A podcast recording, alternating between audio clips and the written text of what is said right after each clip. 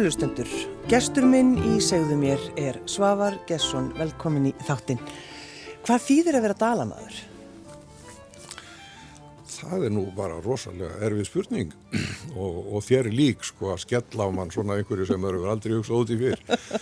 Eh, það þýðir að vera dalamaður, já mikið í væntundalina Já, og uh, dalinnar eru náttúrulega óskaplega ríkir af sögu. Það, það er eiginlega það sem við eigum, dalinir. Saga, saga og eftir saga. Og, og þar með svona undirstuðu þættir í íslenski menningu. Menna Sturla Þórðarsson, hann náttúrulega bjó í Dölun, staðarhóli í Sörbæ, sagnarítari, skrifaði Sturlungu, um borgarastýrjeldun á 13. öld. Uh, Snorri Sturluson fættist í Dölun og, og, og þeir bræður náttúrulega í Kvammi Það er að segja Snorri, Þorður og Sigvatur, sinir Sturlu, Kvamsturlu og Guðnýja Böðvarsdóttur og nú lagstæla er þar, skilur við. Og við erum svo ljónheppin í dölunum að við eigum ekkert stórfljót. Það verður aldrei byggt álver í dölunum, það kemur ekki til greina. nei, nei, Það þarf ekki einu sinni að gera um álíktun, ekki einu sinni það. ekki einu sinni það. Þannig að, já, mér þykir væntu þetta byggðala. Svo er ég náttúrulega heppin líka að þá bróður minn Sveinn, hann er bondi á staðarfelli á Fellstönd, búin að vera það í næri hálfa öll með konu sinni Þóru, Þóru Stellu, Guðjansdóttur, þannig að það er margt sem tengjum í þessu byggðalegi. Já, Og síðan fórum við í það við Guðrún árið 2006 að við byggðum okkur hús, vestur Reykjólasveit, sem heitir í Hólasili, það er norðan við Gilsfjörð og þegar ég horfi út um gluggan, þá horfi ég á skaströndina og veit hvar allt er. þá líður betur. Já, ég meina, Það eru svona hættur við, það eru ekki dráð órólegur. og, og, og sko, það, það er auðvitað vandamál með mig þegar ég fæ gesti, sko, að líku við þurfum við að kynna það fyrir hverju þúfu á svæðinu. Og það er alveg, já, já, Svavar, þú kannt þetta allt saman. já, já, það er nú ekki komið nóg og er ekki rétt að gefa fólkinu kaffi. Já, nokkulega. En, en skiptir máli að vita í rauninni, sko, uh, hvaðan maður kemur og hvað hefur verið uh, áður, einhvern veginn. Já, það gerir það náttúrulega. Maður er auðvitað partur af þessari sögu sjálfur, sko. Og þetta því svona kannski sem maður getur gert er að reyna að miðla sögunni, opna hana fyrir öðrum. Þá getum við ekki virka, virkja fljót, þá getum við virkja söguna. Opnað söguna fyrir öðrum, fyrir Íslendingum, fyrir nýju kynnslóðinni, fyrir heiminum. Og, og sjá- sjáðu bara alla ferðamennina sem hafa verið að koma til dæmis í landnámsetri í Borgarnesi hjá Kjartan og. Já, já. Minna, þau, hafa, þau hafa lært fullt um Í- Íslandssögu og ég held að hjálpi alltaf að læra og kunna. Hjálpi manni að eiga við nýjar staðreindir, skilur þú, þegar maður, maður kann eitthvað um, um, um, um fortíðina. Nú síðan er það náttúrulega þannig að það er fjölskyldu saga mín mjög mikil, sko og, og þessi ár sem pappa og mamma byggu fyrir vestan, þau voru erfið, þau voru flókin, þau voru ekkert, ekkert sérstaklega skemmtileg fyrir þau. Það var basl, Af hverju, af hverju, já, basl. bara fjárhagslegt basl, byggðu nýbíli þarna og það var bara erfitt, það var þannig. Og, og þannig að skilur þau, það er líka mikilvægt að hafa kynst þeirri sögur sér. og, og, og það, það, allt þetta verður svo partur af manni þegar maður verður kannski setna að sinna sínum verkum hversar þau eru, ég lendi náttúrulega í pólitíktaldið og, og, og þetta tvent kannski var, var dátið partur af minnum pólitíska bakgrunni skiluru, annars vegar þessi lífsbarátt af fóreldra minna og hins vegar svo þessi, þessi Íslandsaga menna fyrir vestur í dölum þá lærðu við lagstælu sko Ingólfur Arnarsson og Hallveig það var bara fyrir þau fyrir sunnan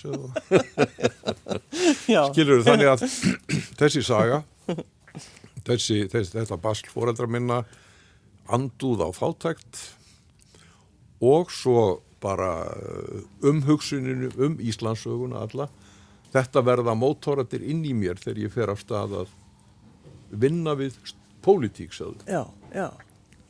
Og í dag, Svavar, þá eru uh, söguskildi sem Já. að þú einmitt hefur verið að- Einmitt, við vi- settum settum með fjögur sögurskildi í fyrra, vestur í Dólum. Það fyrst er í Hjarðarholti, það sem er Guðrún Ósvíðustóttir er aðal efnið á myndinni og þeir eru á bakvið hana, kjartan og bolli, mæna á hana. Og þeir höfðu farið náttúrulega hverju kvöldi á laugum að horfa á hana og hitt hann í lauginni, sátu sitt hvort megin við hana og, og, og, og mældan út með augunum. Og það er, það er ótrúlega að hugsa um þetta. Eru 20 km átt á milli. Fara menn 20 km að hitta stelpur sem þeir eru skotnir í dag eftir dag? Á hestum? Það skilur enginn í dag en svarið er já, Já. menn fara. Eða þeir vita af stelpur sem þeir eru skotnir í, í þó það séu 20 km og þeir fara báðir. Og fara, fóru alltaf báðir. fara alltaf báðir sko. Og svo náttúrulega endaði það eins og með þekkja að, að, að Bolli draf, draf svo kjartan fyrir áveikjan Guðrúnar á Svínadal þarna rétt hjá. Næsta skildi er Öður djúbúlga sem var náttúrulega eh, ein, merkast og öflugasta landnámskonan, bjó í Kvammi í Dölum. Og uh, þriðaskiltið er Eiríkur Auði, það er alveg út á klopningi á endanum á milli Gilsfjörðar og Kvamsfjörðar og það er þar vegna þess að þar sérðu klakkæjarnar og við, í klakkæjónum eða undir klakkæjónum sapnaði Eiríkur saman flota 30 skipa sem að lögðast að til Grænlands. Og, og, uh, og uh, að vísu komist ekki nema 14 eða svo á leiðarenda. En þetta sést allt þarna frá þessu skildi á klopningnum og Eiríkur Rauð er aðal persónan þar. Sko þetta er flott mynd þar og sá sem teiknar myndirnar að þessu fólki þarna, hann heitir Ingólfur Björgvinsson rosalega flottur strákur og síðasta skiltið er í, í uh, Sörbænum segi ég þar er það Sturla Þórðarsson sagnarítari sem bjóða staðarhóli þannig að ef þú tekur þennan ring að þá átt að sjá þessi fjögur skilti og áttaði á því hvað þannig er á ferðinni. Síðan er það meiningin hjá okkur að gera uh, hljóðleðsögn sem að þú getur hlaðið inn í síman hjá þér. Þú, þú hleður því inn í síman hjá þér og leggur það svo bara á mælaborðið, svo hefur það samband við gerfi tunglin eða eitthvað tjöndan og, og þegar þú kemur að hérðarhaldi, þá er byrjað að fjallum hérðarhald, þegar þú kemur að kvammi, þá er talað um kvamm, þegar þú kemur að staðarfelli, þá er talað um staðarfell og allt það. Þannig að, að, að fólk geti náð þessu svæði öllu, beint í æð. Já, og, og, og þetta eru auðvitað eitt söguríkasta svæði landsins. Vegna þess að fyrir utan náttúrulega sko lagstælu og, og svo auðvitað grænlendinga svo er í sögur auða þá er þetta svæði sturlungu það byrjar þarna og verður til þarna. Já. Og, og, og svo erum við í vor eh, ég má bæta því við fyrir ekki veður svo á mér þegar ég kem að þessum óskupum Það er alltaf, þú ert hingað til þess að komin til þess að tala að, um þetta. að, að við erum að opna Vínland setur í Búðardal það er í Leifsbúð, það er gamla kaufélagið niður við sjóin, Já. það er fallegasti hlutin í Búðardal Akkurat. og, og, og, Og húsið mjög fallegt líka. já, húsið er mjög fallegt og, og það, þar ætlum við að opna svona síningu um landafundina það, það er sem sagt uh, það- er landafundasetur og, og Vínlandsetur þar sem að, og þetta byggist auðvitað á grænlendingasögu er í Söðröða og það eru einir tíu listamenn sem að gera þarna alls konar verk, bæði þrývíð og, og, og tekningar og allavega. Og, og fólk gengur svo í gegnum þessa síningu með, með hljóðleðsögn og eirónum sem Kristján Franklín uh, les upp með sinni fallegur rödd og Kjartan hefur skrifað textan og Kjartan Ragnarsson er, er eiginlega hugmyndafræðingurinn Já, en þetta kemur svona frá, frá já, hugmynd frá honum. Já, menna, hann skrifaði mörgum sveitastjóðnum og það var bara einn sem beit á, það var, það var sveitastjóðin í tölunum og, Já. og, og þannig er þetta tilkomið, þannig að sko krafturinn í þessu verki er, er runnin auðvitað frá kjartani og sirri en, en auðvitað líka sögunni í tölunum. Já. Og svo er fullt af góðu fólki þar sem er að taka upp merkið og ætlar að, ætlar að eh, reka staðinn, skilur við og við vonum við fáum sem flesta til að heimleggja okkur strax í sumar og ennþá fleiri næsta sumar og svo framvegis. Já, en hvernig er það sko, Svavar, uh, ertu alltaf á fullu einhvern veginn, ertu alltaf að vinna? Slakar aldrei á. Jú, jú, ég gerir það nú en eh, ég, Hvenar gerur það þá helst? já, hvað er að segja? Ég er náttúrulega hef verið með hesta, er það ekki aldrei að slaka á eitthvað? Jú, jú. Ég eiginlega alltaf verið með ross og, og uh, svo bara er ég að lesa bók eða, uh, menna, gerkvöld horfi ég á hafið, kvikmynd, og allt þér að kenna Já.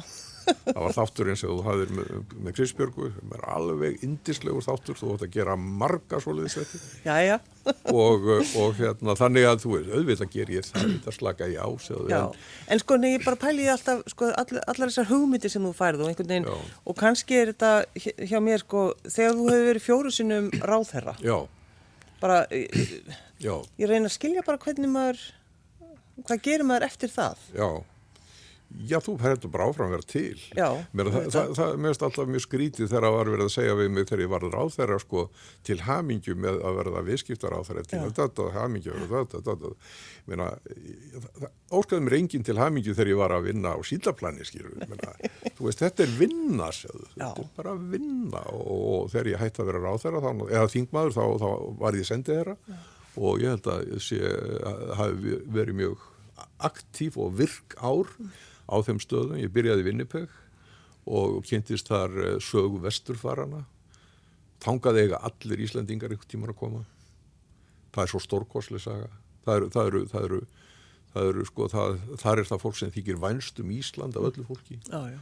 Og, Guðbergur Bersson var eins og spurður, hann var þar í halva mánu, hvernig var, hvernig var vesturömi, hvernig var Winnipeg, hvernig var þetta? Og Guðbergur hugsaði sér lengjum og sagði, "Ah, maður var svo óskup votegur allan tíman. Að, þú veist, það, það, þetta sko gengur hjartamanni nærr. Já. Nærri þessi, þessi saga og þessi, þessi tilfinning fyrir Íslandi sem er þar. Síðan voru við í Danmörku og, og, og, og, og, og Svíþjóð. Og, og þetta var Guðrún með mér í þessu, þessu sendið þeirra ár, sko, þannig að við, erum algjörlega jafnfætis í þessum Já, já. verkum þann tíma. En er það kannski að því að maður heldur svafar að uh, sko völdin séu það mikilvægasta einhvern veginn að heldum kannski þetta, Já. já, nú missir, missir völdin. Já, það, það er einmitt uh, vandamál, sko, þegar þú er til dæmis búin að vera alaði upp í því í stjórnmálaflokki að, að, að það séu tekla líðræðislegar ákvarðanir og komið margir að þeim og séu margir starfsópar og guðveit hvað að fjallum hlutina og svo allt í enn ertu ráð þeirra og þá liggur það þannig að þú hefur vald til að skrifa undir mm. einhverja góða hluti eða, eða, eða kannski bara eitthvað allt, allt, allt annað sjöðu.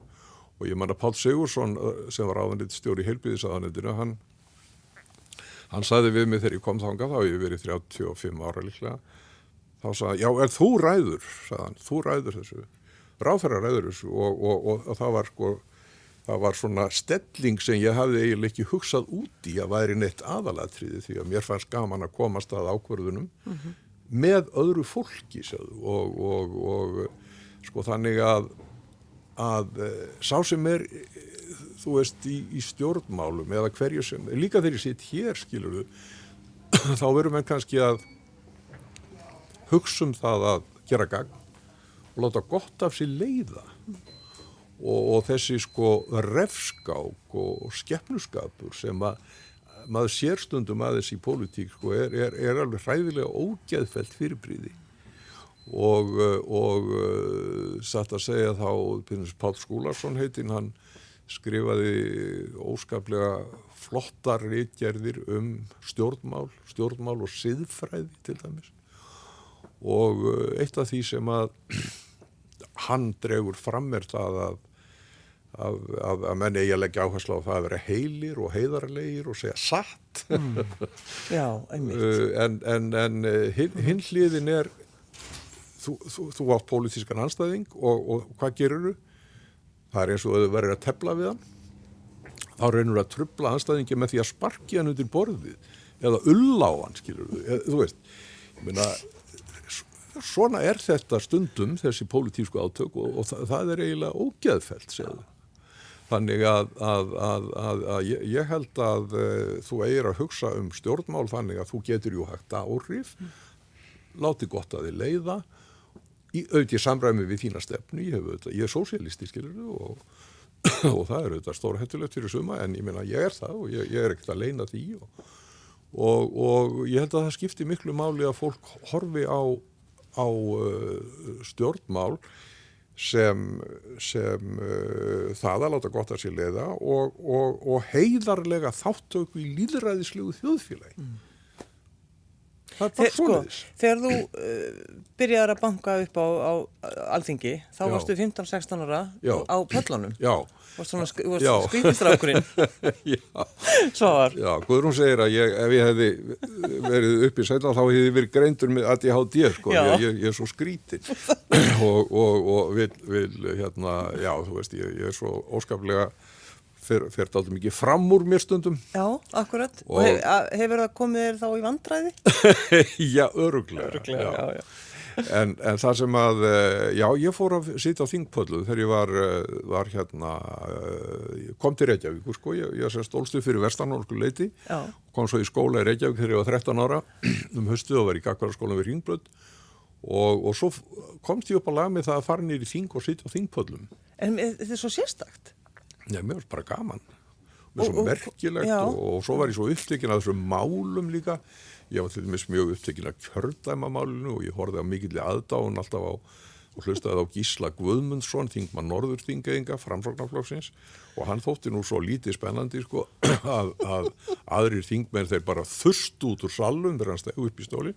Þannig að ég var ofta eini áhorfendin, áhærendin fyrir utan forsetta þingsins sem að satt á bakveðan. Ég hafði bara gaman að þessu sko, þannig að, og, og síðan, síðan lendi ég í því að ég fór á þjóðviljan, ég var 20 ára og, eh, og var þá í þingfréttum. Þannig að, að, að, að þingið og þinghúsið og allt sem er í kringum það er aldrei samgrófið mér Já. og svo eftir að ég kom heim já úr, úr þessu starfi sem, sem hérna sendið þér að þá var ég formaður félags uh, fyrverandi alþingismanna þannig að veist ég, þetta hús er mjög nálagt mér Já, og, já. og það líf sem hefur verið í því það eru þetta þess að breytast eins og gengur sko. Já, en það, mér sér allt svo gaman að pæla í svona, þú veist, un, svona ungur drengur, 15 ára gaman, þú veist, bara að fara í þetta. Þetta er Já, svona, já. svolítið sérstakt. Já, ég var öðruvísi, ég viðkenni við það, svona Já. eftir á hyggja. Já. Þegar þú skoðar það. Þannig að þegar þú, þegar þú uh, lappar hann inn sem þingmaður, þá Já. kannaðistu einhvern veginn við allt og, og Já, já, það var ekki eitthvað svona rosalega breyting. Nei, það var það ekki, sko. Og ég kunni, að af því að ég hafði verið blaðamaður, þá var ég flótur að lesa þingskjöl. Já, Ég lærði að, að, að, að skálesa, veist hvað það er? Þú byrjar í, í vinstra hotninu uppi og endar í hægra hotninu niðri og, og þú leitar uh, á þess að við hugsa kannski svo mikið út í það, þá leitar það einhverju tilteknum orðum og þannig getur þú plagti í gegnum fleiri tugir síðan af þingskjölum. já. Svavar rosalega duglega að lesa búið með öll þingskilin fyrir hátegi. Af því hann laðist því á ská. Þannig að, þannig að, þú veist, þann, þannig að þingið var mér eiginlega bara, uh, já og, og síðan sko með ég var bladamaður í þinginu, já, þá, þá var ég á þingflokksfundum, það týðkaðist þá að bladamenn flokksbladana, Já. ég fyrir þjóðvílan, ég sótti fundi þingflokks þann- Þannig að þú, þú máttir það. Já, já, ég átti að gera það og, og, og þing, ja, bladamenn morgunbladsins sátu inn á fundum þingflokks, sjálfstæðirflokksins og svo framvís tímas og alþýðbladsins. Þann, þannig að þú veist, við vorum partur af flokksapparatinu. Við vorum alltaf mikið frekar sko, flokksmenn heldur en bladamenn. Þegar ég var á þjóðvílanum, ég leita á mig sem liðsmann hreyfingarinnar, númer eitt, skilur. Já, ekki endilega sem blaðamann. Nei, menn ég skrifaði það sem þurfti, hvort sem það voru íþróttir eða þú veist aðra fréttir, en ég, ég leita á mig sem uh, liðsmarhefingarinnar og við varum saman að basla við að gefa út þjóðviljan og við reyndum að borga okkur eins látt kaup og mögulegt var til að bladi fengja það út. Og þar alveg var ég aftur og aftur notaður í samninganemnd á móti bladamönnum fyrir, hönd, fyrir hönd útgefandars þjóðviljans Já, þetta var þetta bara, þú veist, hugssjónastarf að koma út blaðinu, sko, það, það var þannig. Það var alltaf á mörgunum að við gætum það, það var svo gekk ekki vel fjárhagslega Nú, já, þannig, en að því að hvað, það var ekki náttúrulega auglýsingarnar voru ekki Já, auglýsingar mjög litlar, sko. Já, hvað, Og- því að fólk vildi ekki auglýsi í Nei, þjóðvélum? fólk vildi ekki auglýsi í þjóðviljan sko. Stór hættulegt. Já, já, ég meina það var bara raustustu fyrirtæki sem þorðu auglýsi í þjóðviljanum og, og það var alveg, maður tók, maður bara neyði sig fyrir framann búðaglökan ef maður vissi að fyrirtækið auglýsti í þjóðviljanum Já, og ég gekk fram hjá þeim glugga á hverjum degi þegar ég var að ganga niður skólaverðstíðin, já, þetta er nú örgulega gott fyrirtæki, þetta er paff. Sko. Já, þú voru Og auglýsa svo frétti maður af einhverjum fyrirtækjum skilur sem að vildi ekki auglýsa í þjóðuljónum og þá var það alveg á hreinum að það skipti ekki við Að svoleiðis sjoppur. Já, enda, enda prinsip maður sá ekki svona. Kemur ekki til greina. Þetta kemur ekkert í greina. En var fólk því þegar þú ákvæmst að hætta? Því þú bara tekur ákvæmst að hætta á þingi.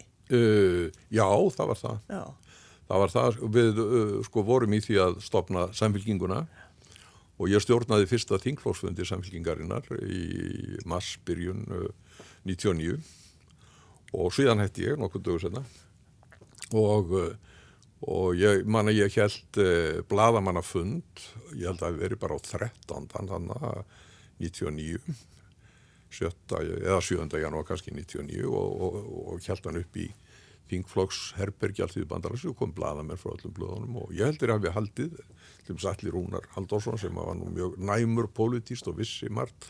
Hann held að ég ætlaði að tilkynna um frambóð mitt skilur við já, það var alveg tvertom, ég hafði ákveðið að stíga liðar og hætta. Já, og uh, ég, ég var alveg tilbúin til þess og mér fannst einhvern veginn að það væri ágætt að, að við sem höfðum verið í svona afgerandi fórustu eins og ég hefði náttúrulega verið, þú veist, í 20 ára hafði ég verið í fórustu fyrir alltíðbandalæginu, bæði sem formaður og ráþerra frá mjög ungum aldri, við stalti lægja við stígjum aðeins til hliðar og, og, og, og aðrir tækju þá við. Og áður höfðu þeir hægt á, í þessum verkum bæði bæði Jón Baldvin Hannibalsson sem var formaður alltíðflóksins og Ólafur Ragnar Grímsson sem var um tíma formaður alltíðbandalagsins og, og skilur þau þannig að mér, mér fannst það bara á getur tími. Eh, og uh, þá var náttúrulega meiningin að samfylkingin yrði samfylking allra þessara aðila. Og þá varð hins vegar uh, Vafge til Visti Græn. Mér leist nú ekkert á þau til að byrja með. Ég var nú alveg samfærður um að þetta væri svona frekar lítil grúpa sem að geti nú litlu umþokað í stjórnmálum það fór nú annar veg. Það fór annar veg, og, nákvæmlega. og, og þann, þannig bara stendur það og, og þau, þau standa sér vel og allt það. En, en eh, sem sagt eh, þegar þetta gerðist þá, þá, þá eh, og ég var sendi herra þá gekk ég til ráþæranna sem voru nú ágættu kunningja mín eins og Geir Horti, ágættu vinnu minn og sagði við hann ég sé að þið eru að gera alls konar menn að sendi herrum alls konar menn úr alls, ko- öllum flokkum nema mínum Muna, að við séum eitthvað verri sendiherrar en aðrir og ég, bara eiginlega heimtaði það og þannig endaði það Já. og það var aldrei erfitt fyrir þá skilur við meira maður sem hafi verið í keflaugugangum og var á móti öllum ákvörðunum ríkisins í utaríkismálum áratuga skeið Já.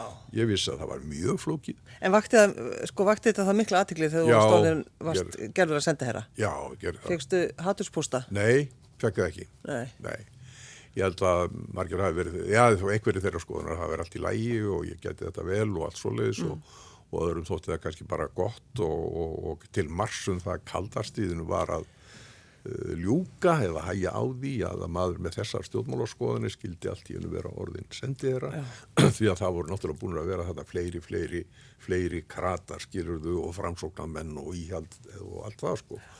En, en þannig að ég, ég, ég fekk ekki, ekki svoleiðis og, og, og ég raun og veru þá bara var það skemmtilegu tími og allt það. Mm. Þegar ég var að spyrja þig sko með titlana, var alltaf að pæla í svona titlum. Já. Svavar. Og þú veist alveg, já, ég er fyrirverandi bara uh, fullt. Já, já, það, já. Er, það er fyrirverandi ráþeira, fyrirverandi þingmaður, fyrirverandi blaðamaður. já, já. Ég er svo heppinn, sko, ég var sem sagt í tí, tíu ár riðstjóri og tíu ár ráþeira og 20 ár svo því, hérna þingmaður og tíu ár sendi þeirra og, og svona það, þannig hefur það verið og já, ég bara heiti það sem ég heiti og, og svo hefur lengi verið núna fimm ár riðstjóri breyðfyrings og hefur notað það stundum riðstjóri stundum ef, ef, ef þannig háttar til og ég er að skrifa einhverja pólitíska grein að, þá skrifa, sem ég ger eiginlega aldrei nú orðið að þá segi ég fyrirverandi bandalagsins Já, eða fyrirverandi fyrirverandi hérna, eh, já, fyrirverandi ríðstjóri þjóðviljans Já. en ertu þá, eins og þú segir, ertu svo að hættur að skrifa pólitíska greinar? Að einhverju leiti? Já, ég, ég, ég er það nú ekki alveg sko, það, það kemur fyrir en það er mjög lítið um það. Ég skrifa minningargreinar um vini mína þegar þeir eh, taka upp á því að deyja sem ég nú ég alltaf mjög mikið á móti. Þannig að þá kem ég kannski einhverjum pólitískum sjónamöð og framfæri í leiðinni vegna þess að ég er náttúrulega eins og ég er. Þannig að ég losna aldrei við þetta Nei, nei. og vil ekki losna við það heldur. En uh, þannig að, að, að uh, og, og ég er að skrifa bók og um hvað er hún? Hún er um pólitík. Ætla ég að segja þið nánar frá því hvernig bókin er? Svarið er nei, ég ætla ekki gera það. Þannig að ég fæ kannski útrást í því að skrifa þá bók og hún kemur ykkur tíman. Ertu, ertu komin langt á leiðið eða? Já, sko, bók er eiginlega aldrei búin fyrir hún er búin, sko, Og, og þegar þú ert með hann í höndunum þá getur hún alltaf vorið aðeins betri eða það sem þú varst með í já, Mér finnst ég að hafa nógan tíma, þannig að ég er að dunda við þetta. já, já. Og uh, þann, þannig að, þú veist, ég er auðvitað upptekinn af þessum heimi, ég get ekki neitt af því. Er eitthvað svona, þegar þú hugsað tilbaka svo að gera svona í sambandi við svona þína pólitík, er eitthvað sem þú sér óbáslega mikið eftir að hafa gert? E, já, ég, er kannski frekar sko sé eftir að hafa ekki gerst. Já, Frekar. eða það. Já, ég tel sko að uh, við hefðum átt að vera uh, harðari af okkur í að uh, kýla niður verðbólguna í ríkistóttguna Stóraðsins á sínum tíma Já, og við hefðum geta gert það. Þá hefðum við hins vegar orðið að gang, fara á svig við okkar kostningalóðurð og það gat ég, ég var mjög lélegur í því. Þannig að það held fyrir mér andvöku ef, að, ef, að, ef ég hafði sagt eitthvað og, og gerði svo eitthvað allt annað skilur þau.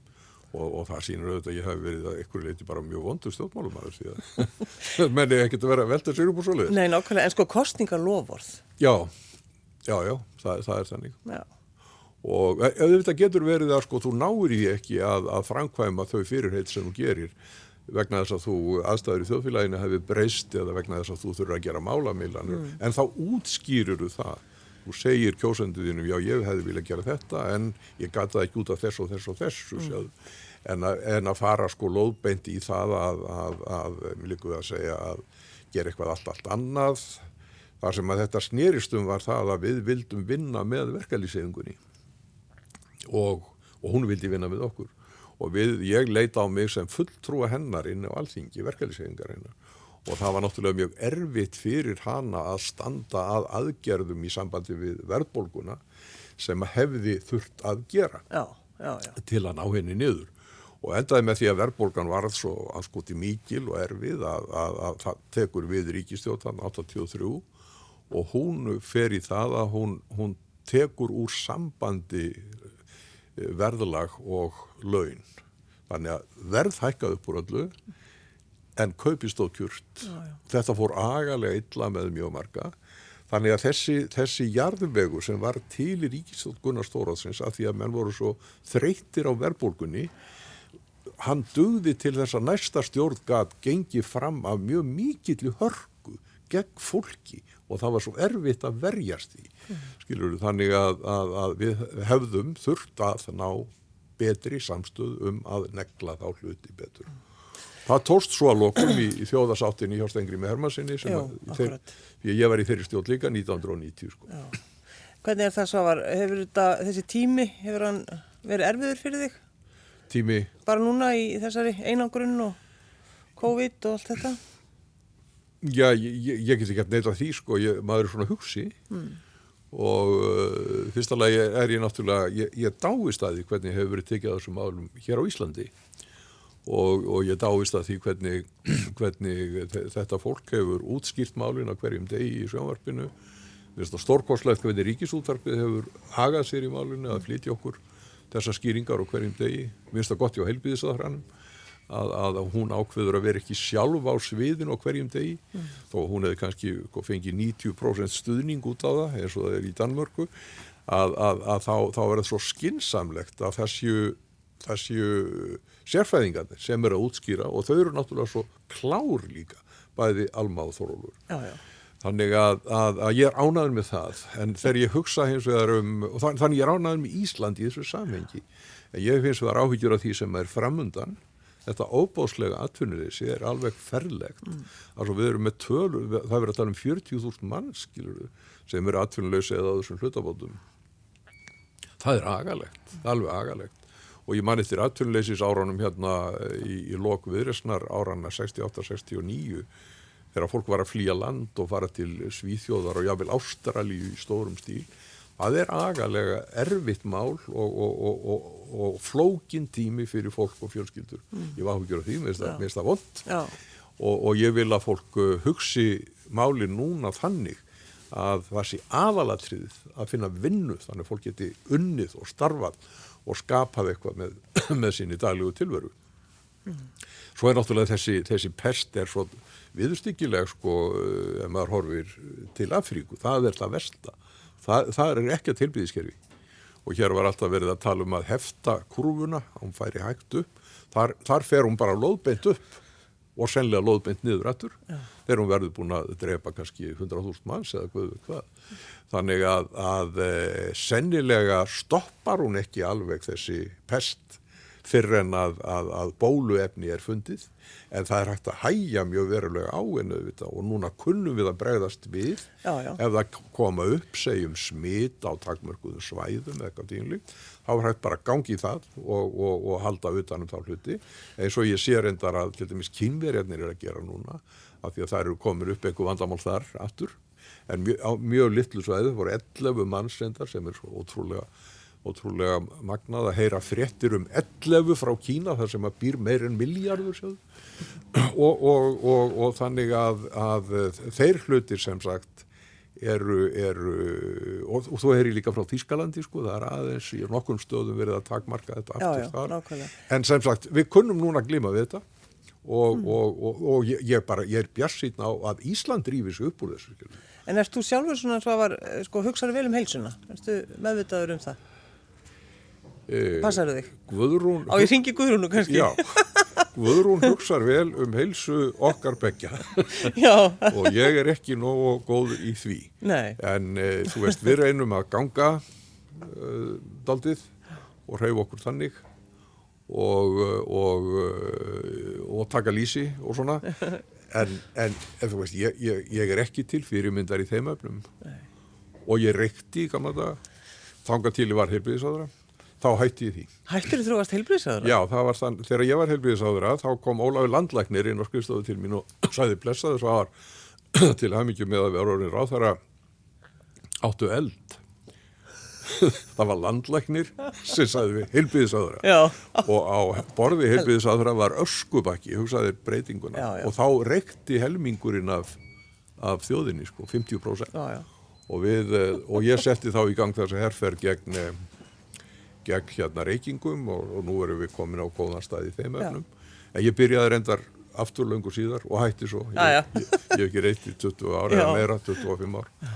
En sæt sagt, svarið er já, ég er ekki nógu dugluður að hugsa um heilsuna, nei. Nei. Svo lesið sko, það? Já, svo lesið það. En uh, ég sá einhverja myndaður þar sem þú sittur við, uh, við bókaskáp. Ertu sko Ertu með mikið að bókum í kringu þig? Já, yfirleitt? ég er það, við erum það bæði já, hjónin, við erum það, Guðrún les mjög mikið og við bæði og við erum, að, við erum algjörlega drukni bókum. Já, og, ég sá það á myndinni. Og, og ég menna við erum svo döglega, við erum núna búin að rýma í bílskúrnum þannig að það er eftir að koma bílun þar inn en það er nýlegt. Þannig að við erum ansi, ansi mikið af því sko. Og ég bý ekki við þær aðstæður að ég ég þurfa að fela það þegar ég kem heim með fimm bækur skilur, vegna þess að Guðrún geti alveg lendið í líka þannig. Já, kemur daginn eftir með fimm Þannig að, að við erum sérstaklega, já við erum, erum heilmikið í bókum og við erum uh, ég er náttúrulega mjög upptekinn á Íslandingarsögunum mm. og ég er, er að er að reyna að skoða og lesa Sturlungu og nú síðast uh, hef ég verið að lesa landnámur reyndar og, og það eru þessi stórkórslu ingangar að uh, rítum forditafélagsins, hins íslenska forditafélags eftir þessa dásamlegu fræðimenn sem voru um leið svo miklu rítöfundar eins og Jakob Benediktsson, Einar Ólafur Sveinsson, Ingangur Einars Ólasan Jálu er svo fallegur og, og þetta, þetta er nú mitt lestrarefni aðalega og, og svo er ég náttúrulega núna til dæmis og ég nefni, nefni það að byrja að lesa hérna bók Trotskís sem að heitir Bildingin Svikin en hann, það er Stalin líka að trefa hann og hann var á móti Stalin og ég er að lesa þá bók sem er núna á loksins komin út á íslensku, týta velingi hansinni og mér finnst þarna heyrur þau kusla segila fyrirbæri, sýtur hérna mútið Það er sósélistinn Sváa Gesson. Já, það er eitthvað, eitthvað. Sváa Gesson, takk fyrir að koma. Já, takk fyrir að fá að vera með þér.